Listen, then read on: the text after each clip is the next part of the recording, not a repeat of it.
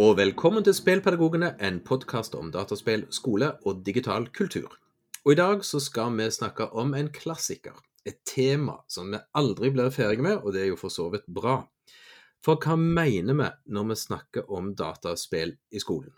Og Denne gangen så skal vi prøve å være veldig ryddige, og forhåpentligvis legge godt til rette for at samtalen om det blir tydeligere og bedre. Men før vi ruller i gang med den, så må vi jo ta noen godbiter siden sist. Og Tobias, du er med oss i dag. Yes, hei. Hva er det som skjer hos deg?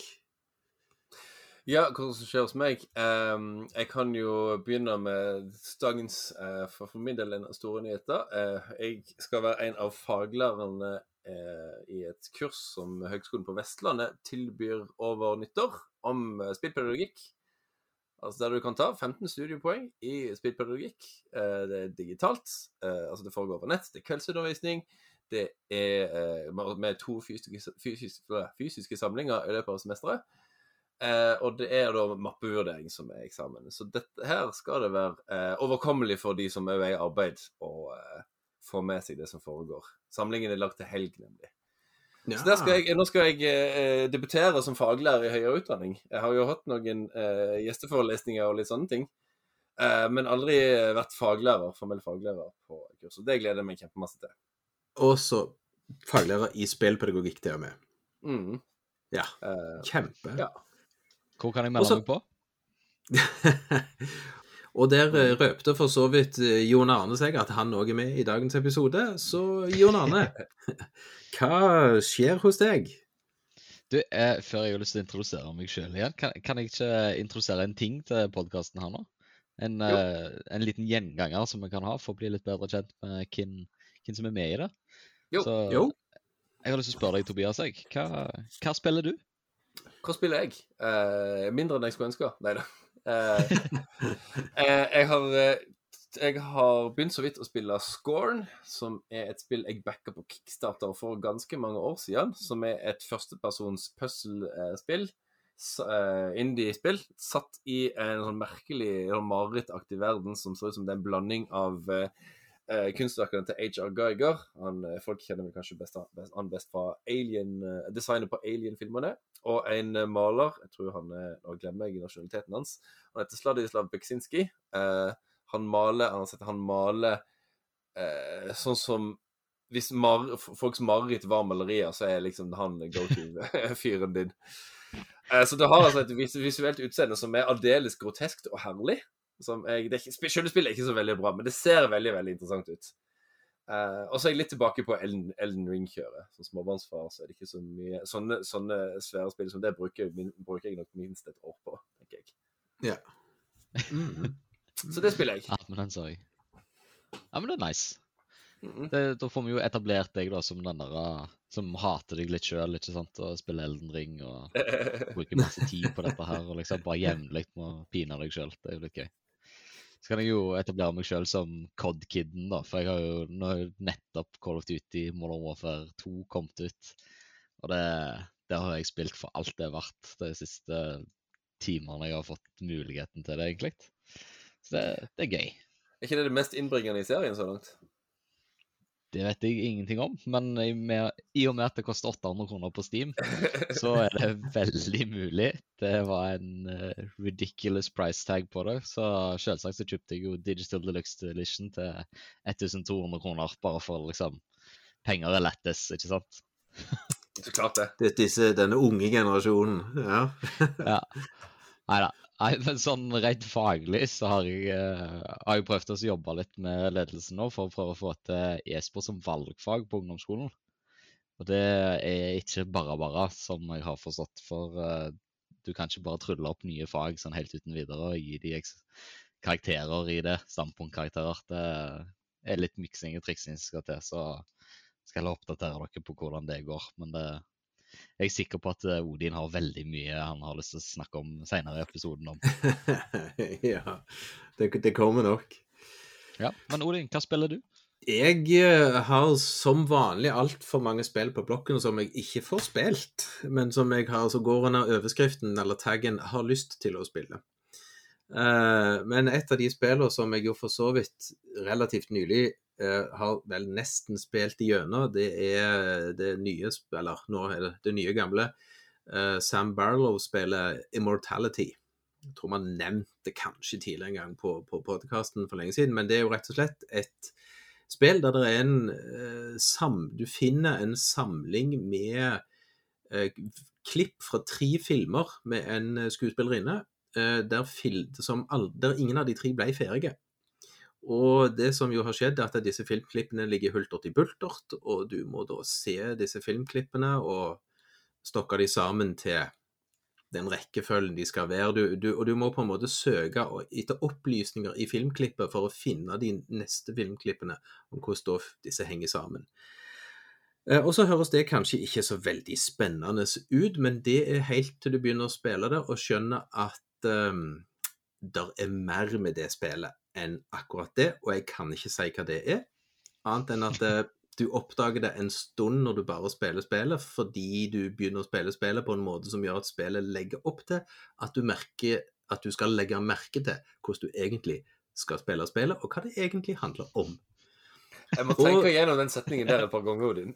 Ja, jeg vet det. Den henger ikke på greip. Men det er litt sånn spillet for så vidt òg er. Fordi at det, det, altså, det spillet der er en eneste stor mindfuck, hele spillet.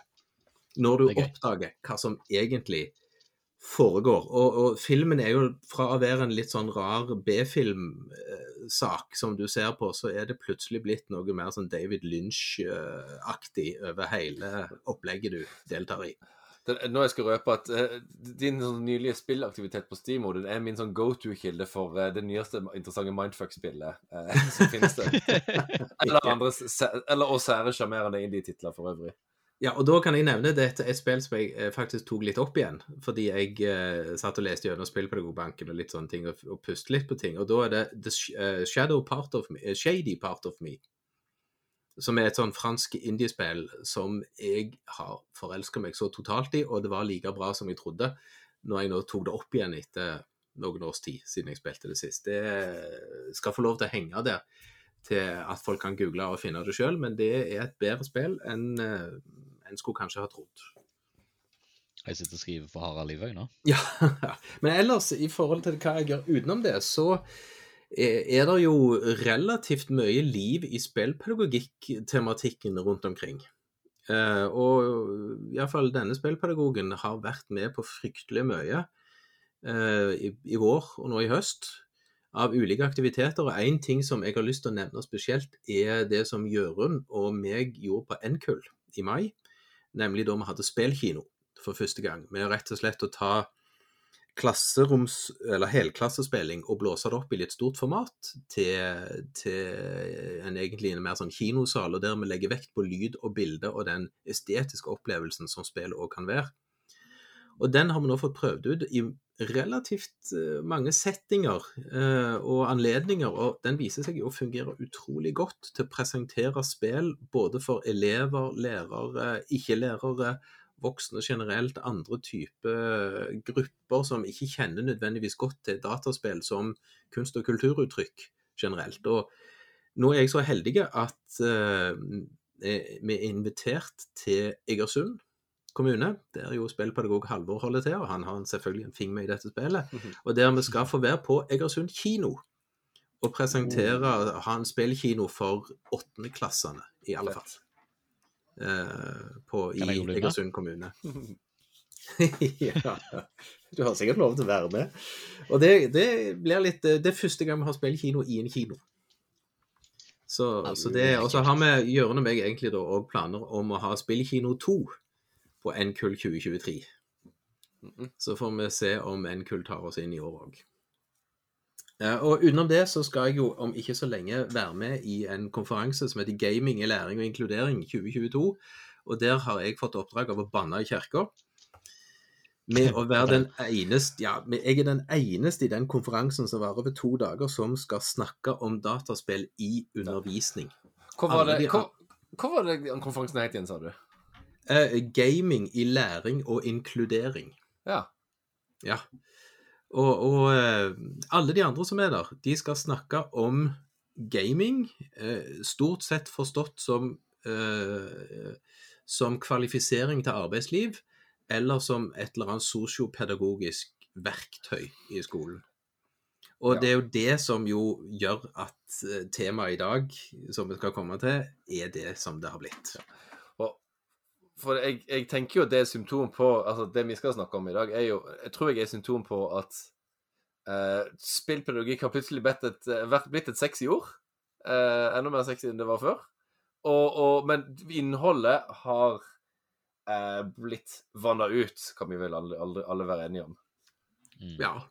ja og, det, og det Vi har vel vannet ut såpass at det er jo tittelen på denne episoden, som jo dere ser i på Spotify eller andre podkaster, er jo rett og slett 'Spill i skolen er ikke spillpedagogikk'.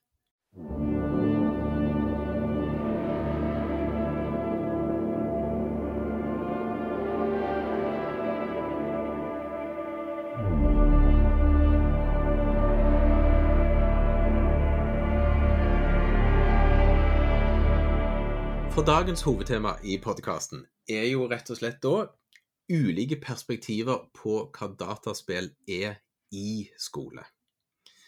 Og da har jeg lyst til å ta den ballen, og så får dere to andre hive dere inn etter hvert med å si at det første jeg har lyst til å si at dataspill er Det er egentlig det som de fleste forbinder med det, det er når vi sier dataspill i skolen. Da snakker de fleste, og tenker de fleste, på dataspill som elevens fritidsaktivitet. At den fritidsaktiviteten blir tatt inn i skolen i en eller annen variant. Og ofte da så er det at den blir tatt inn i friminutt eller midttimer, eller som koseaktiviteter og belønningstimer og all slags sånne ting som, som vi jo kjenner igjen fra egen skoletid, på lik linje med andre fritidsaktiviteter som elevene òg gjør i skolen. Eller utenom skolen. Eh, men så er det jo det at utfordringen med det er jo at dette er jo elevens aktivitet. Det er jo eleven som eier selve aktiviteten og, og hvordan det skal forstås og hvordan det skal brukes på. Eh, og er jo på den måten ikke en del av undervisningen i fag. Det er Og litt jeg sånn som å bruke Minecraft som belønning, liksom. Nei, ikke eh, som Nei, ikke, så- ja, som, Hvis det blir som belønning, så blir det det. For da er det bare sånn Ja, hva skal dere gjøre nå? Nei, jeg skal spille Minecraft. Men da tenker, da tenker jeg faktisk nesten mer på sånn type Fortnite, eh, eller litt den typen ting. Og, og jeg er jo villig til å plukke e-sport. I den grad e-sport er i skole, så er det under denne overskriften. Altså at vi tar elevens organiserte fritidsaktivitet, og så putter vi det inn i skole. Men det er fremdeles elevens fritidsaktivitet vi har tatt. Det er ikke Mm. Eh, Vi har ikke gjort det til et, eh, et verktøy i fag, vi har bare tatt fritidsaktiviteten. Og, og, og problemet med Der skal jeg skyte inn. Det er problemet med eh, hele grunnlaget for mitt forskningsfelt, altså game-based learning, er at eh, my, veldig mye av begrunnelsen for altså resonnementet og logikken bak ønsket om å ta spill inn i skolen, er basert på observasjoner man har gjort rundt nettopp elevenes, eh, barn og unges fritidsaktivitet. Rundt Mm. dataspill. Og tenk, OK, Mm. den fritidsaktiviteten har visse kvaliteter. De kvalitetene vil ha lyst, mye lyst til å krydre og berike undervisninga mi. Problemet er bare at dataspill som praksis og som kulturell artefakt, som er det neste punktet vi skal komme til, det overlever ikke nødvendigvis overgangen inn i klasserommet, altså inn i den formelle institusjonelle innramminga som skole og formell undervisning er. Nei. Eh, Fordi, at, som du sier, at det er barn og unge som eier den fritidsaktiviteten. Men når da skolen prøver å legge beslag på deler av den fritidsaktiviteten, så kan det skjære seg. Jeg Ja. tror jeg før har eh, nevnt en artikkel som står i eh, den boka her, som dere som hører på, ikke ser. Men den- den heter altså 'Exploding the Castle Rethinking how video games and game mechanics can shape the future of education'. Der er det en kjempeinteressant artikkel som heter 'More than an Avatar', som skriver om to jenter som begge er gamere, og som har spilt et læringsspill i uh, naturfag, tror jeg det, som skal lære dem om Newtons lover. En av de elevene mestrer skole og syns det er kjempekjekt. Og hun eh, omfavner dette spillet fullstendig og skal bli best i klassen. Og gjør det faktisk ganske bra òg på den testen, eh, prøven etter de har spilt ferdig. Hun andre eh, er gamer, men hun er ikke så glad i iallfall ikke dette faget her, og skyver spillet fullstendig fra seg. Mm. Og har da, her er det da identitetskrasj, rett og slett, mellom hvorvidt man er gamer eller ikke, og hvorvidt man liker skole eller ikke. Ja. Og det, eh, det er et kjempestor problemstilling som eh, veldig mange eh, veldig, veldig eh, Hva skal vi si av, av komfortabelt ignorerer. Ja. Og ikke vet om, tenker jeg. Det òg. det poeng. Ja, jo men, jo, men det er derfor jeg tenker at det blir litt sånn blindt. fordi at det, Hvis vi velger å se på dataspill, eller gaming Jeg, jeg, syns gaming er et fint ord for denne typen aktivitet. Mm. Eh, bare også fordi at det òg er et sånn mediaord som oppstår. At du, Gaming i skolen og litt sånne ting. Ja, da er det elevens fritidsaktivitet vi trekker inn. Ja. Eh, men, men det er jo litt det samme som om når vi trekker inn elevers andre sine fritidsaktiviteter, som kor og fotball og speider og blokkfløyte og bønnegrupper for den saks skyld, så, så er det ikke nødvendigvis inn i fagene vi trekker disse fritidsaktivitetene. Det blir fremdeles som en ramme rundt en sosial aktivitet eh, i friminutt og midttimer og litt sånne ting. Mm. Og, og så, så, er, så kan du f.eks. si at ja, men fotball hører jo til under kroppsøving, og, og korsang hører til under musikk. Og så er det sånn Ja, akkurat den aktiviteten, den spesifikke aktiviteten kan du finne et kompetansemål som gjør at du kan ramme det inn i et faglig aktivitet. Mm. Mm. Det er ikke du får jo samme problemet. Altså, du, vil altså, bruker du fotball i gymmen, sant, så vil jo fotball i gymmen vil jo òg Hvis du har med gode fotballspillere, så er jo det gjerne sånn Ja, nei, jeg vil spille skikkelig fotball, jeg vil ikke spille med de som er dårlige, sant. Det er litt det samme greiene med spill. At de liksom De tar ikke rammene i undervisningen. Nei, for barn og unge Noen elever vil spille skikkelig Minecraft. De har ikke lyst til å spille Minecraft for eksempel uten TNT, eller de de bare får bevege Ja. seg på dette Ja, lille ja, området, osv., osv. Ja, men det, det er òg for så, så enkelt som i fotball at ja, men når du skal spille fotball, så må du spille med klassen. Du skal ikke spille med de du vil spille det med, eller du skal heller ikke spille det med fotballaget ditt. Hvis du Mm. driver Og så er det det som kjempeviktig ellers. at du sentrer til alle, selv om du vet at eh, den personen Ja. du sentrer til, mister ballen Ja, og så er det det òg en masse som spiller fotballaktiviteten, eller som synger i kor, som ikke vil. Mm. Altså, fordi de ikke liker fotball, eller de ikke kan synge, syns de, og, og litt sånne ting. Og, dermed, og det er fordi du har jo Utgangspunktet er ikke fritidsaktiviteten. Utgangspunktet er undervisningen som foregår. Og så er det jo da en valgt aktivitet innenfor faget sine rammer. Og, og det er jo det samme problemet da, som kommer når du skal gjøre det samme spill, som fritidsaktivitet. Og, og da, jeg vil skyte inn en av mine favorittdefinisjoner på hva spill, eller hva spilling er for noe. Det er fra Bernard Suits sin eh, The Grasshopper. Han skriver at eh, spilling er et frivillig forsøk på å overkomme unødvendige mål. Ja, den, den er ikke dum, den. Den er ikke så lett å beholde i skolen. Nei. Uh, ubesudla, holdt jeg på å si. Nei. Og, og jeg vet jo bare for ta, Det er jo flere som snakker om at e-sport kan jo gå inn i kroppsøving, for det er jo sånn lagspill og veldig aktivt og sånne ting. Men da vil jeg jo at dere som mener det, dere skal smake litt på ord og navnet til det faget. Kroppsøving. Ja, Men hjernen er jo en del av kroppen, Odin. Eh, Ja, men har du lest eh, innledningen til faget i fagplanen? Der Nei. står Alt står om at det handler om bevegelse av kroppen og bevegelsesaktiviteter osv. Så, videre, og så, så e-sport passer like dårlig inn i kroppsøvingsfaget som sjakk gjør. Og det er forskjell på idrett og kroppsøving. Mm. Kroppsøving er ikke et idrettsfag. Og så kan du heller snakke om at e-sport kan være en idrett på lik linje med at sjakk kan være en idrett. Men faget kroppsøving handler om øving av kroppen. Ja, og, det, og der òg ser du, um, selv om ja, i, i- både idrett og sport og kroppsøving og hva det måtte være, så kan, sparker man ball, men man gjør det under veldig forskjellige eh, kultur, eh, vilkår og Ja. innramminger.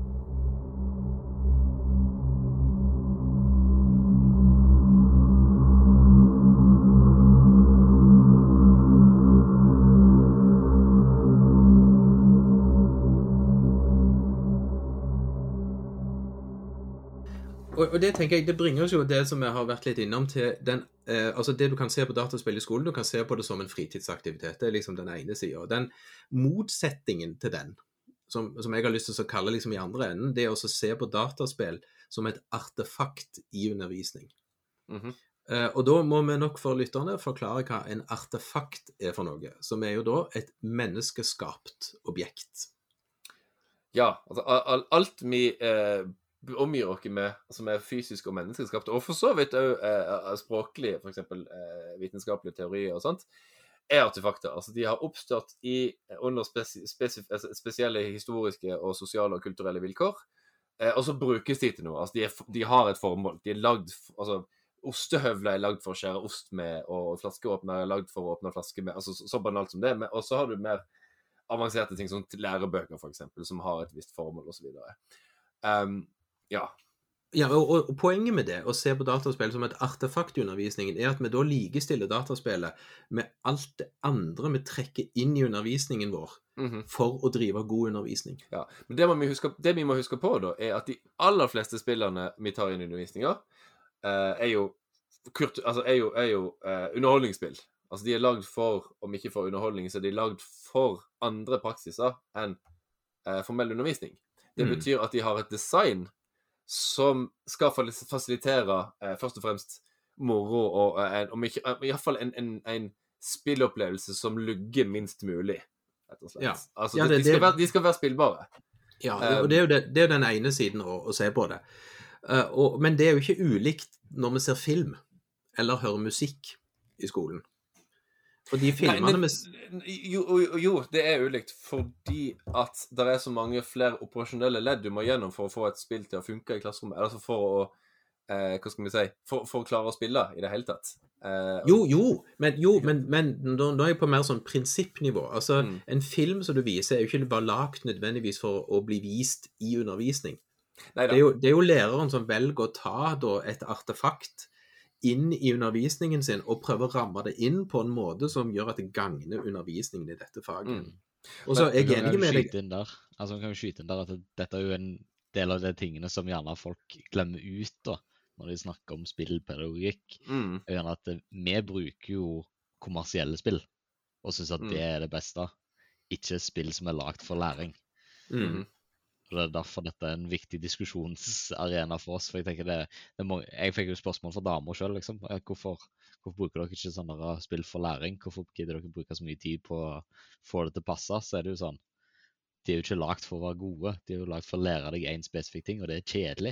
Ja, Men det, og, og, men, men det er jo der er jo det er jo et viktig poeng at det tar, det tar litt tid å tilpasse eh, kommersielle dataspill eh, for ja. undervisning, fordi at det er så mye overflødig i ja. spillet som elev, du må mm. lokke mm. oppmerksomheten til eleven bort fra. Men det andre jeg skulle si, var at um, jeg, jeg, har, jeg, tror jeg har nevnt eh, svenske forskeren, spillforskeren eh, Bjørn Berg Marklund mange ganger i denne podkasten her, eh, med det god grunn. Han eh, en av de forskerne som har inspirert deg mest.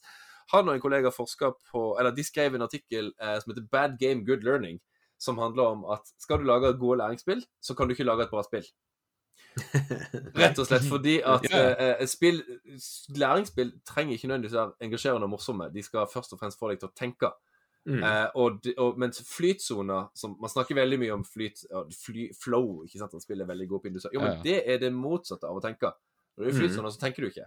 Da handler du på eh, instinkt, omtrent. Altså, at Gode læringsspill de må lugge, og de må få deg til å rekke opp hånda og sier 'lærer, lærer, jeg skjønner ikke'. Og det viser jo bare at spill som skal være tilpassa formell undervisning, de er, må, må, spikkes og files og slipes på og, og passe, designes sånn at de er tilpassa en annen type bruk, rett og slett. Mm.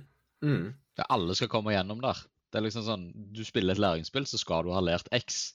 Men spiller du ja, jeg vet ikke hvor mange spill som blitt nevnt på denne podkasten, men spiller du Gone Home, mm. så har to elever helt to vidt forskjellige opplevelser ut ifra hvor fort den eleven sprang gjennom, eller hva mm. ting den eleven plukket opp. Mm. Mm. Det er det som er litt av problemet, og litt av det som gjør det gøy. Ja, men, men det er jo det som, som du, Tobias, er inne på, dette at med et dataspill så er det mange ledd mm. som må tilpasses undervisningen, kanskje i forhold til en film.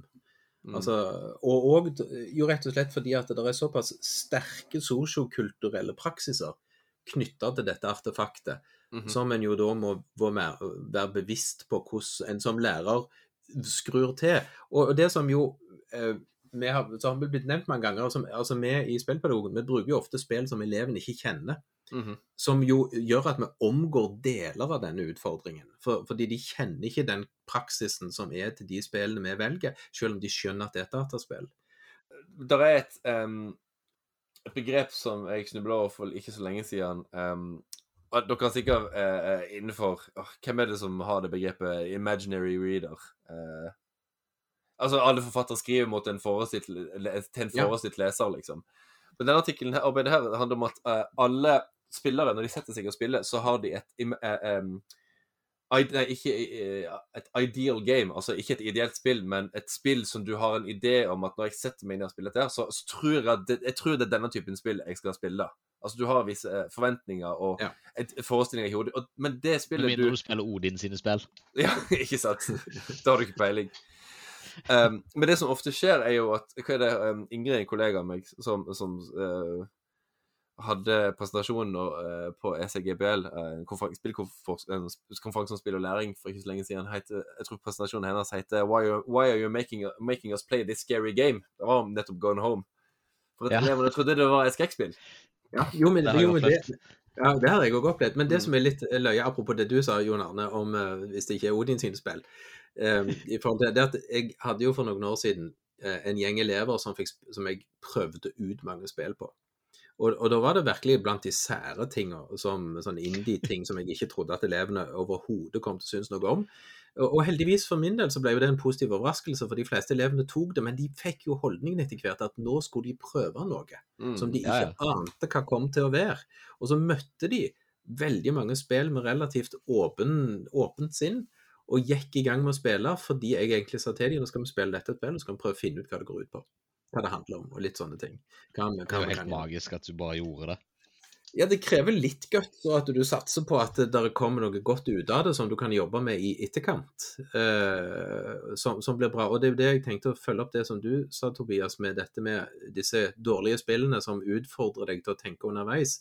At i en del av disse kommersielle spillene så er det jo faktisk da vår jobb som lærer å bryte opp spillinga og komme komme og, og, og utfordre elevene til å reflektere eller bearbeide en del av det Mm. de har gjort, og egentlig være den som på en måte bryter flowen i spillet for å få de til å tenke om det som skjer. Jeg vil tilbake igjen til det Jon Arne sa i stad, om at eh, eh, elever, som, to elever som har spilt Gone Home, har eh, to forskjell, vidt forskjellige opplevelser. Noen ganger så er det jo nettopp det du vil.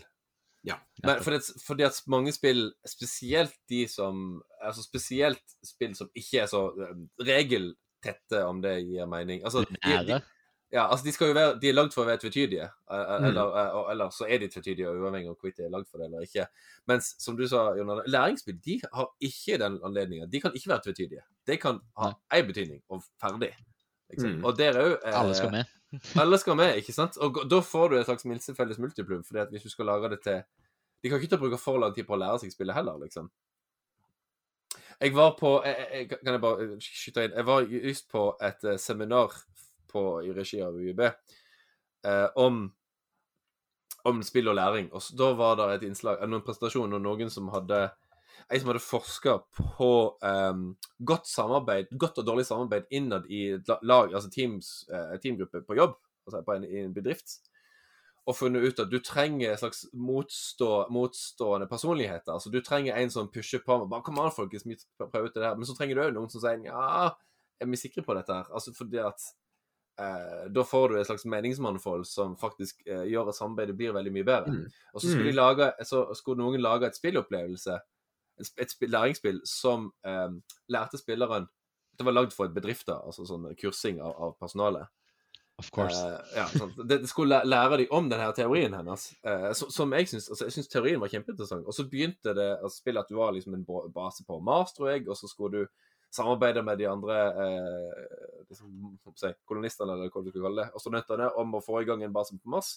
Og så tenker jeg OK, nå blir det litt sånn narrative choose your own adventure, eh, sosial simulering-type greie. Nei da. Spillet, selve læringsbiten av spillet var at eh, det var fire forskjellige tannhjul i ulike farger som du måtte pusle sammen. Og, og hvert tannhjul besto da for Hvert tannhjul sto for hver personlighetstype. da. Og så hvis du sa de sammen på rett måte, så ble, det, ble maskineriet veldig mye bedre. ja. At da er det liksom Ja, men dette Altså, for å forstå den metaforen, så må du allerede kunne det som spillet prøver å lære deg. Ja. Metaforer funker ikke hvis du ikke kjenner liksom måldomenet til metaforen. Nei, nei, nei. Altså, jeg bare jeg satt der, nei, dette her er jo! Kunne du ikke bare spilt Frostpunk eller et eller annet Ja, Jo, Så, altså Eller kunne du spilt Sims, for den saks skyld. Jeg ble, så opp, jeg ble bare så frustrert og oppgitt på det. Men, men, men, men. Og, og, og, og så kom det en fyr da fra denne bedriften og sa at ja, ja, kurset var interessant nok, men dette spillet her var ikke en særlig god del av det. Mm. Men, men det som jeg tenkte å plukke opp, som, som jeg har oppdaget etterpå, eller etter Apropos den gjengen jeg, jeg prøvde ut spill med, uh, og, og snakke om etterpå, det er jo det som, som jeg tror du òg, Tobias, har vært en veldig tilhenger av i det siste. det at Én ting er det å reflektere og samtale om ting som elevene opplever i spillet i etterkant, men det har blitt vel så viktig å faktisk snakke og forberede elevene om noe i forkant som de kan bruke spillet til å bearbeide.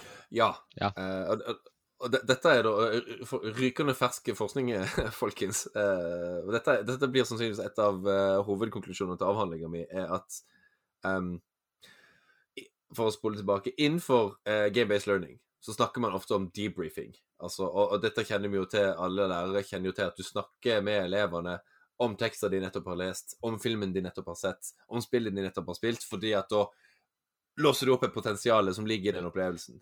Ikke sant? Rettelse. Alle gode lærere. alle gode Ja. lærere, ja. men, og det er jo helt standard pedagogikk, jeg vet ikke hva du skal kalle det for noe. Men, men um, jeg mener Jeg er ganske sikker på at Eller jeg har en eh, anelse om at det du sier til elevene før de går gjennom en spillopplevelse, er viktigere. Og det er på grunn av dette her. For jeg, jeg tror jeg har messa tidligere om Eller Menneskets uh, oppmerksomhet er veldig begrensa. Det er begrensa hvor mye vi kan være oppmerksom på eller ha i tankene på en gang. Men når vi sitter og spiller, så er det vi leser ut av spillet, måten vi tolker eller forstår eller ser spillet på, vil uh, være avhengig av hva vi legger merke til i spillet, og hva, hvilke andre ting vi har i tankene våre samtidig. Uh, som betyr at en, en person som er ekspert på andre verdenskrig, vil kanskje se de gamle Call of Duty-spillerne på en annen måte enn en fyr som har vært selv har vært soldat, vil kanskje se spill, på spillet på en måte. Og en elev som spiller det her for å lære historie, vil se det på en annen måte. ikke sant? For det kommer helt an på hva du har i tankene på en gang.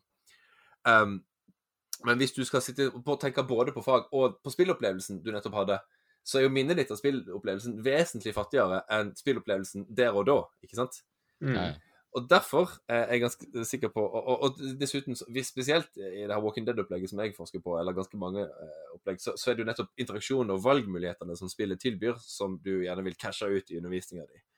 Eh, og da bør jo valgene informeres nettopp av faget på et eller annet vis. Altså, øh, et, dilemmaene i The Walking Dead blir først etiske dilemma når elevene ser på de som etiske dilemma, og når de lærer seg å bruke etiske teorier som løsninger på disse problemene. Mm.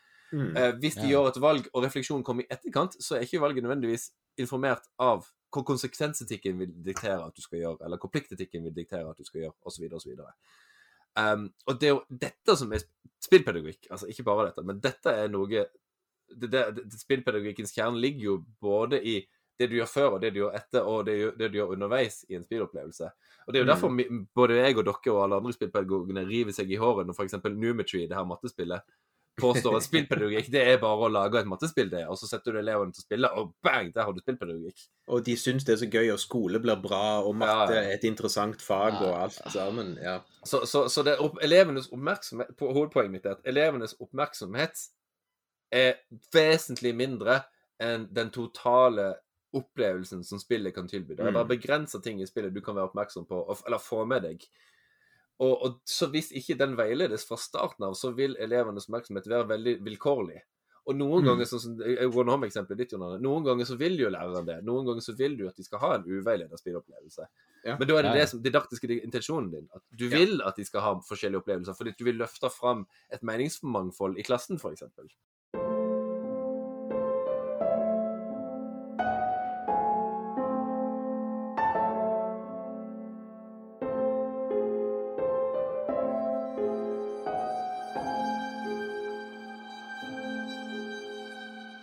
Det som da jeg har tenkt å trekke over til det tredje perspektivet Jeg tror det er på tide å gå over der, ja. Ja, eh, som, som jeg har tenkt litt på, for jeg har vært lenge i denne slags sånn diktonomien med liksom den ene sida og den andre sida. Men så, så har jeg liksom gått litt sånn opp for meg at jeg mener at det er en ting imellom. Oh. Og det er å velge aktivt å se på et dataspill, nesten samme kafferett, som en kunst- og kulturopplevelse. Altså, Vi er jo for så vidt nokså enige, tror jeg, om at dataspill er et kunst- og kulturuttrykk. Ja. Eh, men, men jeg har tenkt å si at ja, men det er en kunst- og kulturopplevelse. Og, og det er nettopp det som du kom inn på der, Tobias, med at eh, når de spiller et spill, så har de òg en opplevelse av dette kunst- og kulturuttrykket som de spiller. Og noen ganger så vil vi gjøre opplevelsen av spillet til det som vi vil at elevene skal ha som opplevelse. Eh, og med det utgangspunktet så er det jo egentlig at det spelkinoen, eh, som jo har vært nevnt som, som eh, under godbiter, at blei til. At det er på en måte, Hvordan kan vi forsterke den delen av det kunst- og kulturuttrykket som handler om den estetiske opplevelsen som dette uttrykket jo faktisk òg er? Eller vil, vil være. Det, det bærer av en opplevelse. Og så har jeg jo bladd litt sånn i læreplanen òg, og jeg eh, skal bla mer. Eh, for, for, vi skal jobbe en del i Randaberg med, med underveisvurdering og litt sånne ting. Og ordet opplevelse, altså eller at eleven skal oppleve at Og utforske, kanskje? Ja, eller de skal, ja, de skal oppleve at prøving og feiling er en måte å lære på. Men, men det står ikke bare at de skal lære, at de skal oppleve. Mm -hmm. Mm. Og ordet opplevelse kommer flere ganger enn jeg har trodd i læreplanen. Og da tenker jeg òg at det å vektlegge eh, opplevelsen av spill som kunst- og kulturuttrykk Mm. er, er jo selvfølgelig Det er jo et artefakt vi tar inn i undervisning. Det er òg en fritidsaktivitet som elevene holder på med. Men det er noe med å styre opplevelsen av det òg da inn som en del av undervisningen, med vekt på Ja. opplevelsen. Og hele clouet av, av kunstneriske og estetiske opplevelser er jo at um, Og det de, det de gjør at du føler, er ikke forårsaka bare av hvordan spillet f.eks. er designa, men det er jo forårsaka av deg og Mm. det du syns, tenker, føler, har opplevd osv. osv. Ja. Eh, og den, så derfor er at kunstopplevelser er subjektive. Ja. Og, Og det må det de få lov å være. Ja, det må de få lov å være, og det er det som er så viktig. Men det er òg det som er så spennende. Mm. Med å da kunne trekke fram i klassen, som du for så vidt sa, Jon Arne, med, med hvordan forsto de Gone Home? Hvordan opplevde de å, å, å få se, eller spille gjennom Orchids to Dusk? Eh, hva tenkte de når de så en gitt sekvens i et dataspill? Og være åpen for at noen la merke til den voldsomme lyden, noen la merke til fortellingen i spillet, noen syntes det var pent å se på. At de får ulike ting med seg, og at den samtalen i klassen har òg en stor verdi. For da får du snakke om elevens opplevelse av et kunst- og kulturuttrykk som vi sjelden lar de snakke om. Eh, I form av sin opplevelse, i det å la eleven finne sin stemme og finne sin måte å se dette på. Og selvfølgelig så vil jo den samtalen være med å påvirke hvordan de andre oppfatter uh, dette kunst- og kulturuttrykket igjen. Uh, Og som vel egentlig vi har tenkt når vi har snakket litt tidligere, dette med at hvis vi ser på det som et artefakt i undervisning, så vil jo samtalen om artefaktet, eller bearbeidelsen av artefaktet, endre artefaktet for, for uh, elevene, hvordan de oppfatter det. Mm. Og, og, og, og den tredje perspektivet der, det tror jeg vi eh, kan jobbe mer med som spillpedagoger òg. For der er jo clouet ikke nødvendigvis at de skal se Journey, eksempel, eh, på en viss måte, men av de minste at de skal reflektere over måten de oppfatter det på. Ja. Og, og, og liksom bli klokere på seg sjøl og sin egen eh, respons og forståelse. Ja. Og det er jo bare til å ta begynnelsen av Journey. altså Når de begynner å gå ut i ørkenen, Mm. helt i starten av spillet, og de ser disse øh, hva skal jeg si st- steinstøttene, eller hva man skal kalle de, i Mm. sanden på vei der, og bare rett og slett samtalen om hva de tror det er. Mm. det, bare, og der vil være ulike meninger om hva det er, og så kan elevene gjennom sine opplevelser i dette da sette det sammen til et, til et narrativ. For det, Kan, kan jeg bare arrestere dere der? Følge den gylne regelen? Kan en av dere si hva Journey er? Hvis vi har noen som aldri har spilt det? For det begynner å bli et ganske gammelt spill, da. takk, for at du, ja, det- takk for at du følger med. Ja. Eh, skal, du, skal du ta den, Tobias? Journey er et spill som er lagd av et selskap som heter That Game Company. Uh, finnes på PlayStation og PC så langt, tror jeg. Jeg vet ikke om det finnes på Xbox. Uh, Jeg lurer på om det finnes på Switch faktisk. Switch. Jo, det finnes på Switch. Som er uh, fabelaktig lita Ja, vi kan godt bruke begrepet spillnovelle, uh, for det har ikke tekst, og det har ikke tale. Det er kun musikk og det visuelle som eh, eh, formidler betydning, mening, og du spiller da altså en liten kappekledd skikkelse som våkner opp i en ørken og ser et kjempestort fjell i det fjerne, og, og du forstår, forstår da umiddelbart at der skal jeg. Eh, og så lar meg vel egentlig være med det. Eh, det veldig, Ja. veldig bra spill. Jeg har brukt det både i norsk og religion. Det er kjempekjekt. Og det, bare vi kan si jo det, det tar vel ca. to og en halv til tre timer å spille gjennom. Jeg tror ikke det tar så lang tid engang. Jeg tror knapt det tar to timer. Jo, to og en halv. Ja, OK, to og en halv. Ja. Eh, men det som vel kan love dere, som ikke har spilt dette før Vi, vi, vi, vi omtaler det nesten ikke, for vi glemmer at uh, vi har snakket så mye om dette spillet. Mm. Men det er jo et av de beste spillene som er lagt. Det er veldig, veldig bra. Ja. Uh, og men det som er, som vi vel kan love dere, det er at du kommer til å være gjennom det meste du har av følelser i løpet av de to og en halv timene. Mm.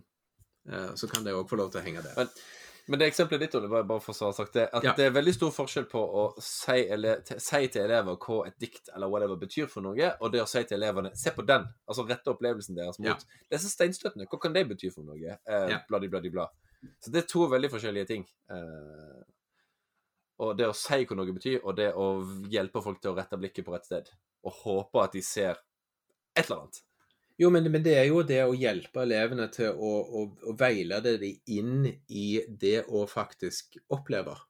eh, eller ha en større opplevelse av et Mm. kunst- og kulturuttrykk. Eh, Eh, og og det, det, men, det som er Jeg skulle bare si, der kan jo um, et, Vi har snakket om begrepet gamer mode her tidligere på podkasten.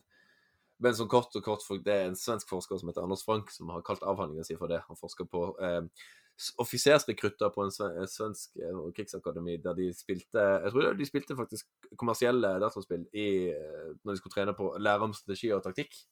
Jeg tror Det kan jo godt være at det var noe sånn egentlig utvikla greie. Men game road var i alle fall at når rekruttene gikk inn eh, for dreit i hva offiseren sa de skulle gjøre, og bare ville vinne.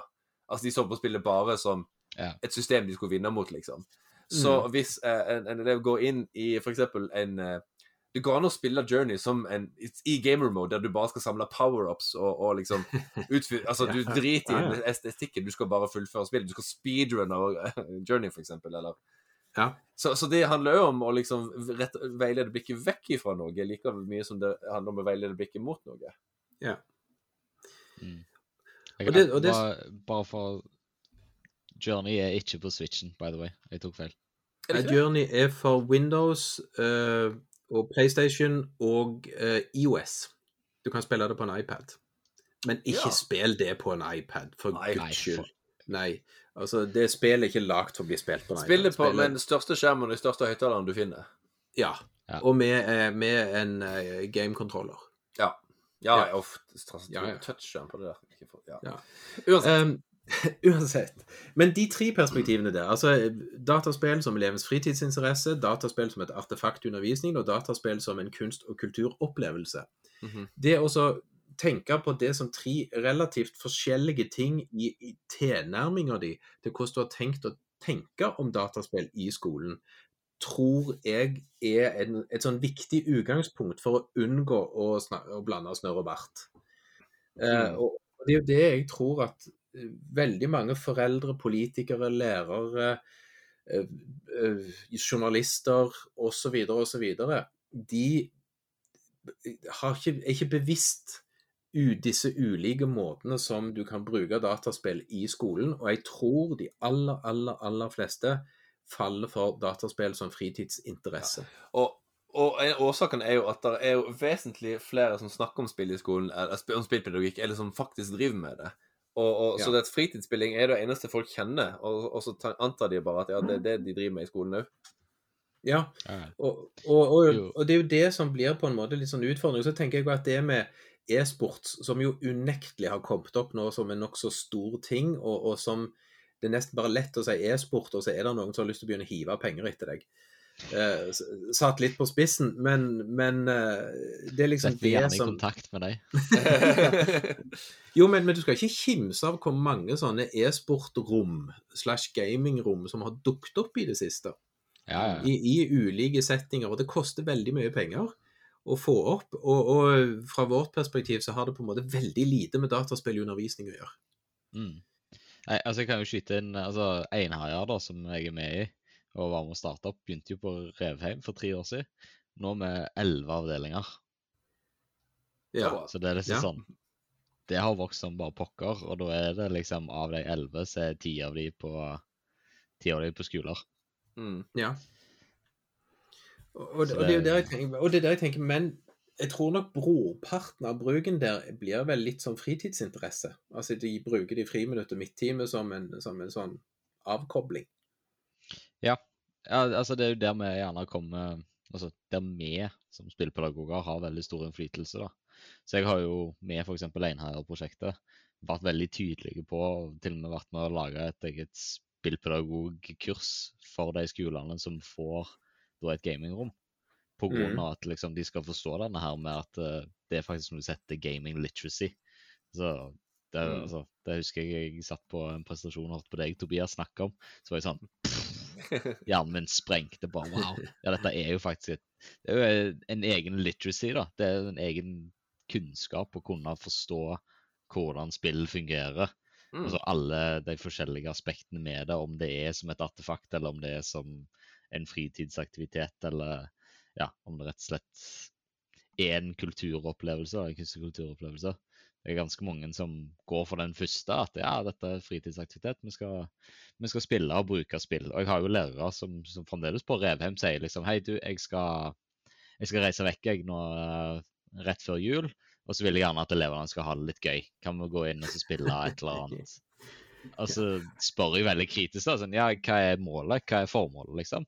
Skal de spille Keep Talking? Har de fått noen gloser de skal øve på i spansk, liksom? Er det det? Eller skal vi ta oss og prøve å finne et eller annet spill som kan få på spansk, så de skal sitte og oversette del for del, eller, eller liksom Hva, hva er tanken? Å ja, nei, nei, nei. Samme det, liksom. Det der, det der som du hadde sånn turnering i, kan du ikke bare spille det der? der? Ja, Rocket League? Ja, det har jævla mye med spansk å gjøre. Ja, ikke sant. Ja, ja. Jo, men, og det er der jeg tror det er, det er akkurat det perspektivet der, at det er andre som vi spillpedagoger lett irriterer oss. Det er jo der dette kommer med at spill eh, er bra fordi at det er motiverende. Det er gøy, de koser seg, og alt blir, alt Mm, blir kjekt. Jo, jo, men, jo, men og, og, og, og, så, og så blir det blanda sammen med ordet spillpedagogikk, og at liksom at dataspill i skolen motiverer og, og sånne ting. Men det kommer jo egentlig bare av at vi lar de holde på med fritidsinteressen sin. Som Mm. de i utgangspunktet syns er kjekt. Det er derfor de har det som fritidsinteresse. Og, og det fungerer jo, som du Tobias var inne på, bare hvis vi lar de fortsette som det. For med en gang hvis vi utfordrer rammene for Mm. aktiviteten til å si at nei, vi rammer det inn på en annen måte, så det er ikke fritidsinteressen din lenger. Moro er ikke en kvalitet ved artefaktet dataspill. Nei. Det er en Nei. kvalitet ved aktiviteten spilling. Og den Ja. eh, oppstår kun under visse betingelser. Og, og det er vel det som, som jeg tenker at jeg, vi håper at dere som lytter på i dag, kan sitte igjen med. Mm.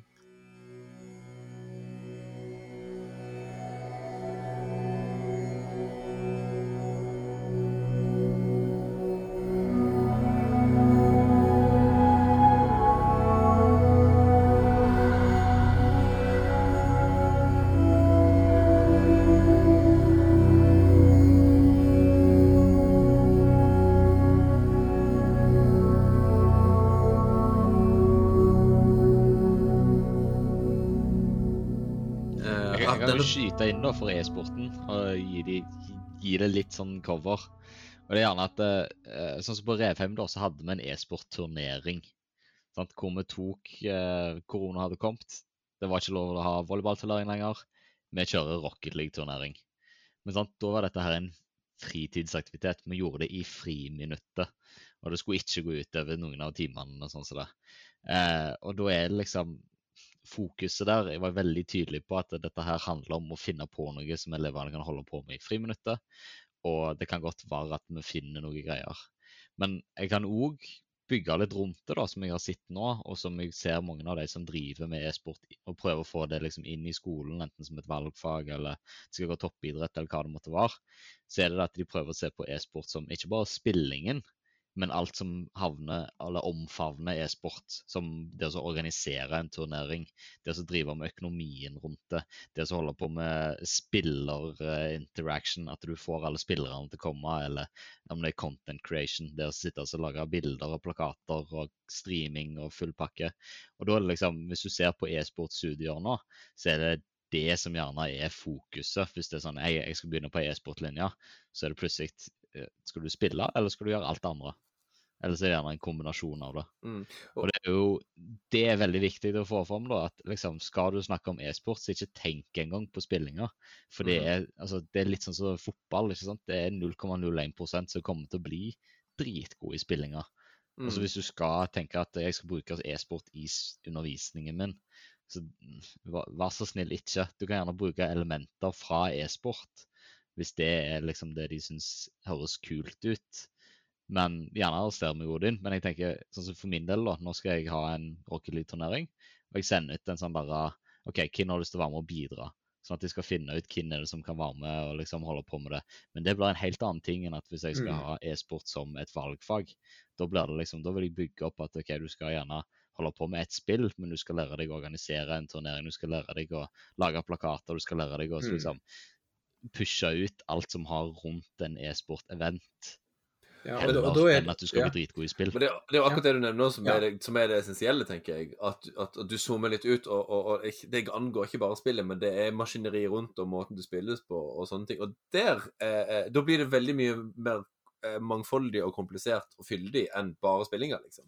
Ja, og, men, det er jo det, men det er jo det som vi har snakket litt om, da, at da tar du egentlig Da tar du ikke dataspillet, du tar den sosiokulturelle praksisen rundt dataspillet. Mm. Nettopp. Det er jo ikke er. Nei. Nei, det er ikke spillpedagogikk. Det, det, det, blir, det blir jo mer pedagogikk. Du tar si, noe, og så bruker du det inn i en annen setting. Altså, men, men det er ikke dataspillet du tar. Du tar på en måte den kulturelle praksisen rundt en bestemt type aktivitet, og så rammer du noe av disse aktivitetene inn i en skolesetting. Men så er det jo lov å si at eh, altså, Selv om jeg er skeptisk til, litt skeptisk til ideen om, om, om transfer, og, at hvis du gjør én ting, så vil du veldig god til en annen ikke-relatert ting, så er det jo lov å si at hvis du f.eks. får øvd deg på ja, arrangere e-sportturneringer, lage plakater, ja, så gir jo det hva vil jeg tro, noen overførbare ferdigheter. Ja. Uh, du, hvis du må lære deg InDesign for, eksempel, for å lage en plakat, eller hvis du må eh, Hvis det å arrangere turnering blir mye mer innvikla enn det du hadde trodd at det skulle være, så Mm. eh, gjør jo deg noen Si for meg at du gjør deg noen verdifulle erfaringer som kan være nyttig senere. Mm. Mm. Og det må, Men det er være, ikke det må det være. Nei, det er det ikke. Nei. Det, det, er- altså, jeg tar det med òg nå. Jeg- jeg tenkte-. Ja, jeg, ja, men jeg tenkte sånn i utgangspunktet så er det jo mer det at det, det er jo da vi løfter det opp, og så kan vi snakke om egentlig pedagogikk. Mm. Altså, Eller, eller for, altså, for å snakke opp e-sporten litt. Altså, Jeg tror jeg er nokså uh, kyndig spillpedagog. Jeg hadde vært en, jeg hadde vært en elendig e-sportlærer. Det er ikke, det er ikke overførbare ferdigheter nødvendigvis. Du, du, du er multiklasse jo sånn sett, eh, Jon Arne, med at du er Jo, jo, men det- det er jo helt riktig. jeg hadde òg vært en elendig e-sportlærer, simpelthen fordi jeg holder ikke på med det. Ikke sant? Ja, ja. Eh, men, men, det, men det er derfor jeg tenker at vi er jo inne på det som blir pedagogikken i dette igjen, som blir egentlig noe annet enn dataspill i undervisning og, og, og gaming i skolen og alle slags sånne ting. For pedagogikken er jo det som vi som lærere må bruke for å ta ulike artefakter og aktiviteter og sånn, og ramme inn i en skolesetting, for, som er jo jobben vår i den forstand. Eh, Men, men det er jo der det er også, også klare opp i begrepene, i snørr og bart, og, og det å kunne si at vi holder på med spillpedagogikk, at det er en smal ting innenfor bruk av dataspill i skolen. Mm -hmm. uh, og så skal en kanskje være forsiktig med den, kanskje den breie fritidsinteressen, for den er vanskelig å putte inn i skolen på en god måte, fordi den er veldig kompleks. Mm. Eh, Ja. og, så kan, kan du velge å se på dataspill som kunst- og kulturopplevelser, som blir jo igjen en annen måte å bruke det på, eh, som òg må sys inn imot undervisning, men som får et litt annet perspektiv igjen enn eh, de to andre. Mm. Det, men det er, det er en tydelig forskjell der. Og jeg tenker at vi tar det opp, er jo utrolig viktig, det òg. For jeg merker jo altså, min egen utvikling fra å liksom delta på første eh, seminaret jeg hadde med Tobias, til å bli inkludert i samtaler med deg, Odin. Og, altså, jeg personlig kom jo inn med gjerne ikke så naivt at jeg tenkte at eh, spill, uansett hvilken form, er kult å bruke i undervisning. For jeg skrev jo bachelor og master liksom, hvor jeg fokuserte på historiedidaktikk. Og fikk ganske streng beskjed av veilederen at det, å holde på med historiedidaktikk betyr at det må være læring i det. Hvor er læringselementet i Assassin's Creed? Fortell meg, liksom. Hva er det de skal sitte igjen med her, og hvordan skal du bruke spillet for å fortelle? Og da husker jeg en av de quotesa som som jeg hang meg litt opp i, da, som jeg diskuterte litt rundt, det var dette her med at eh, for at et spill, eller da et historisk videospill skal være et godt spill å bruke inn i undervisningen, så må selve kjernemekanikken, eller gameplayet, det må si noe om Ja, det må lære deg historie, da. Sånn, At hvis du spiller Civilizations, eh, for å ta et dårlig eksempel, så er det gjerne at liksom, mekanikken i Civilizations kan lære deg liksom, at du kan si noe om hvordan du utvikler et samfunn. da. Mm. Men så er det jo i tillegg, som jeg sa, da, liksom at du kan, du kan godt ha det, men læringen forekommer ikke av det. Så jeg hadde jo nettopp en diskusjon med noen som hadde lagd et opplegg, og de fikk elevene til å sitte og spille SimCity. Og jeg bare Nei, City Skylines. Og jeg bare Ja, kjempegreier, det. Hvor er oppgavene? Hva tid stopper du de og snakker med de? Hva tid tar du og gjør sånn og sånn og sånn? Og det er bare Hæ? Ja. Ja, men, det, ja. For, Ja, men det er jo- men der har du jo problemet som ligger i antakelsen om at spiller du dette, så lærer du dette. Det er for det som Ja. jeg sa i stad, at spill er lagd for å være Altså, hva skal vi si Spill.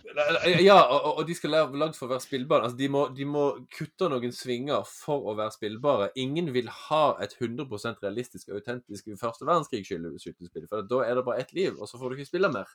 Så, så, så, men problemet blir jo, hvis du ikke har peiling Hva var det de skulle bruke City Skylines i? Altså, hva var, hvilket læreplan? Nei, de skulle spille City Skylines fordi det er lærerikt.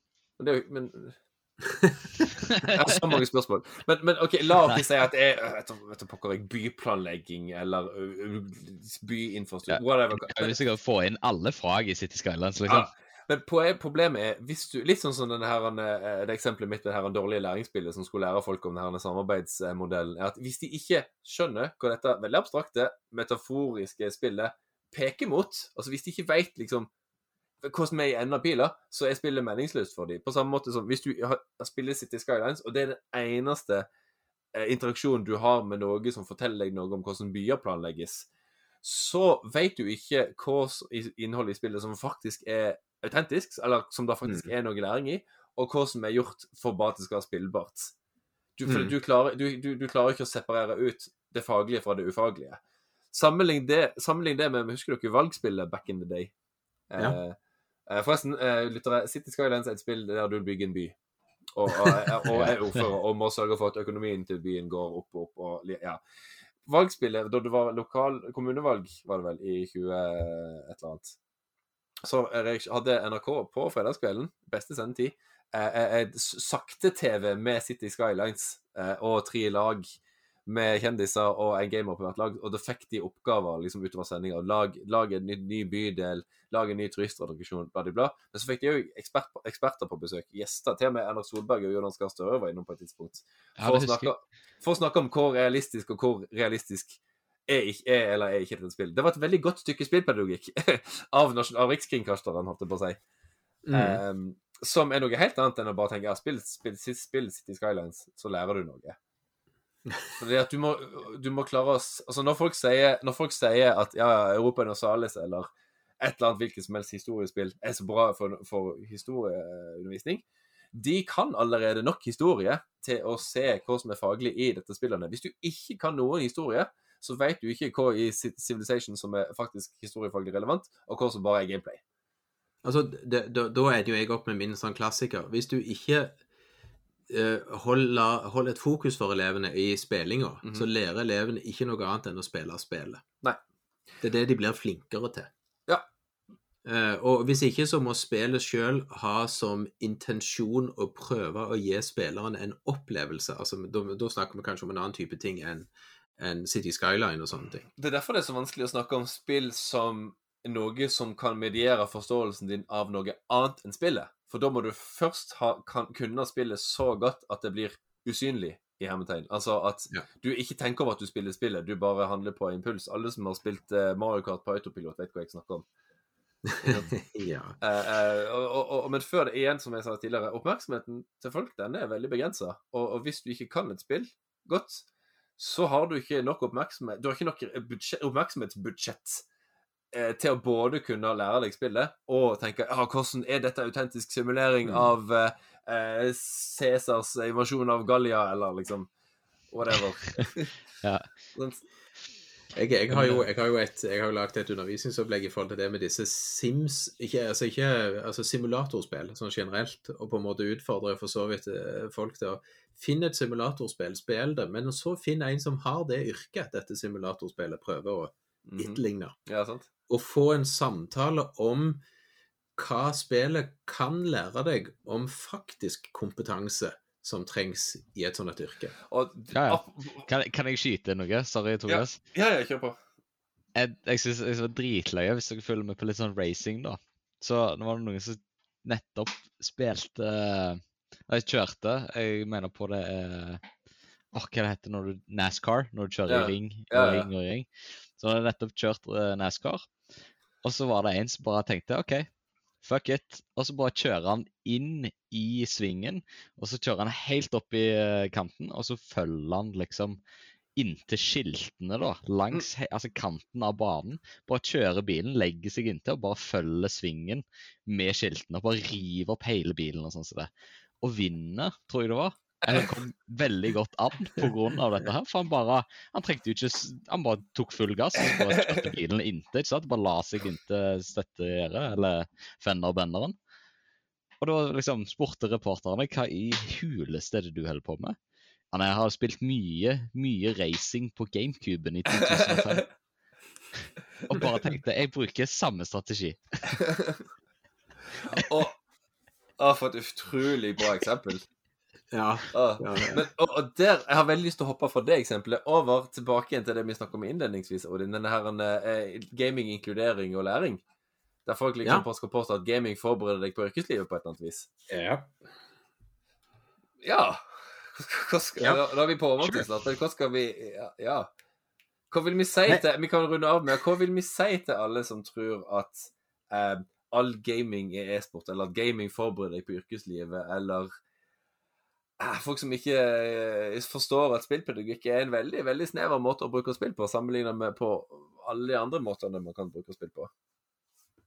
Det er det som tenker jeg vil si, som, som kan nesten være avslutning altså, Det som forbereder deg best på yrkeslivet, det er et yrkesliv. ja.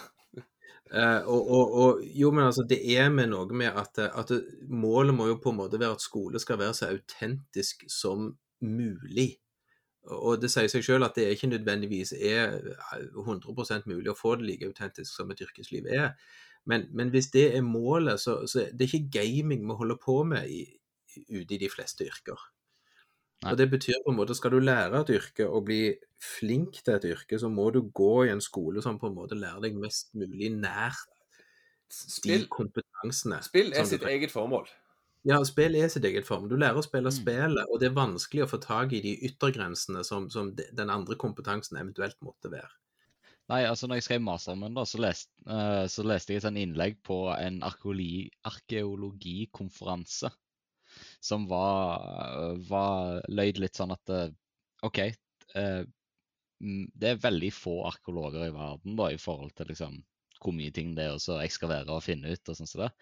Og de hadde dratt fram Assassin's Creed Origins, da, som jeg skrev masteroppgaven min om, som et eksempel. fordi der var det sånn at de, de 3D-skanna jo og holdt på med masse modeller av dette her og prøvde å rekonstruere det i, i eh, spillformatet sitt. da.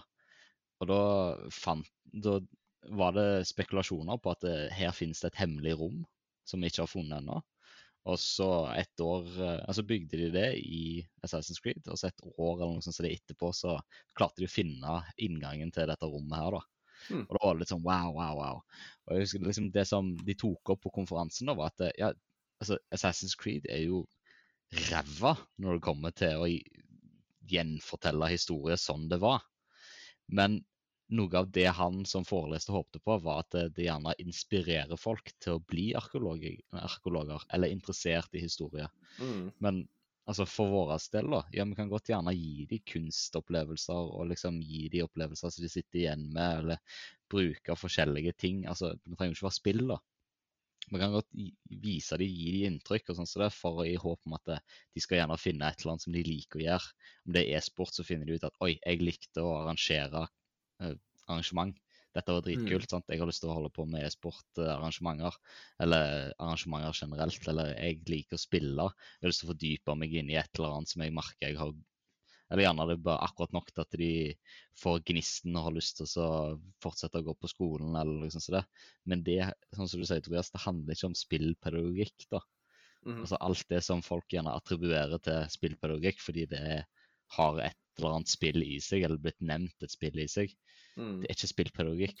Men, men, men der er du inne på en, eh, en annen viktig funksjon som skole har. Vi snakker ofte om skole at du skal lære ting. altså Du skal kvalifisere deg enten til samfunnsdeltakelse eller yrke og sånne ting. Men en annen viktig funksjon skolen har, er jo nettopp det det, det som heter subjektivisering. altså Du skal lære deg å bli deg sjøl.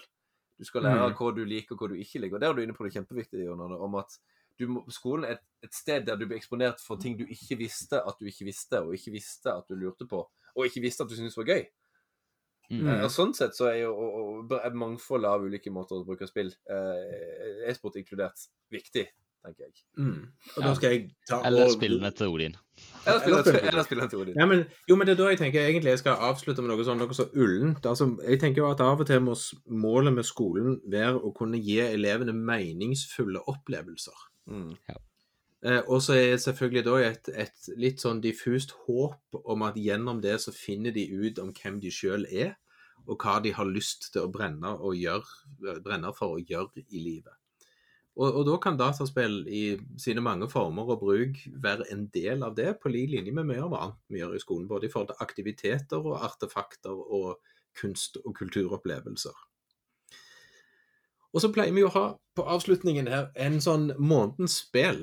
Og i dag så var vi ikke så veldig godt forberedt, men jeg skal legge inn en lite, lite lodd for eh, at Sims 4 er jo blitt gratis.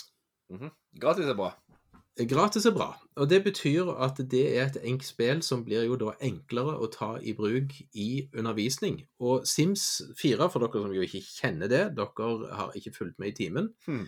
Uh, men det er jo rett og slett et spill der du da skal leve uh, ulike menneskers liv, Uh, i, der du må si, gi dem jobb, gi dem mat, passe på at de har noe å gjøre, passe på at de blir kjent med andre, og der du kan òg bestemme litt hvem de skal være i utgangspunktet, og hvem de skal bli etter hvert. En blanding av simulering og virtuelt dukkehus. Ja. Og der er det jo, siden spillet er egentlig et relativt åpent spill, så er jo da mulighetene for bruk i undervisning nokså stort. Og dermed så betyr det at du som lærer har jo et stort ansvar i hva du vil at elevene skal ha ut av spillingen med Sims 4. Men det fins en rekke opplegg. Vi har på Spillpedagogbanken og Spillpedagogene og en del ellers ressurser, så er det en god del forslag til hvordan du kan bruke Sims 4 i undervisning fra lave klassetrinn og opp til voksenopplæring. Mm. Og med det som eh, avslutning så håper vi at denne runden her har vært mer oppklarende enn forvirrende. Og at neste gang dere går inn i en diskusjon om dataspill i skolen, så har dere noen bilder i hodet om eh, hva dere har lyst til å bruke det til, og at dere vet litt mer om hvorfor dere vil bruke det til akkurat det dere vil bruke det til. Og hva dataspill i skolen ikke er. Yes. Kanskje òg vel så mye det. Det er jo variasjonsteori. Det elsker du, Tobias. Det blir neste episode. Det det. Det blir neste episode.